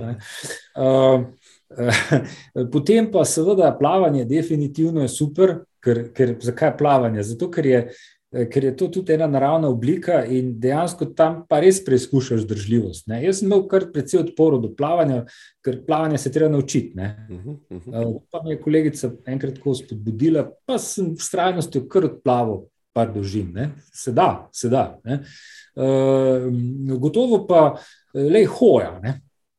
Mislim, uh, ne, mogoče to, to so me tudi naučili mački. Ne? Recimo, uh, hoja uh, hrib, če ni glih hude poškodbe, recimo tam okrog Škofe Loke je en hrib, kako se imenuje, pod Ljubnik. Ljubnik, ja, tako. Ljubnik. Poznam se enega mačka, ki je, ne vem, ta gospod je neverjeten. Jaz sem ga kar gledal. To je bil že takrat 70 let star. Sama kita. Sama kita, mišica. Ampak kaj, jaz sem ga vprašal, kaj on dela, jaz sem NLP, ne, mojster. Kaj, modeliral sem ga, Ej, kaj delate za, za božjo voljo, da ste taka mišica napeta. Rekel, veš kaj, jaz vsako jutro grem na ljubnik. Vsaka čast. To. Ne? Ja, on je hodil, hrib. Hoja v hrib.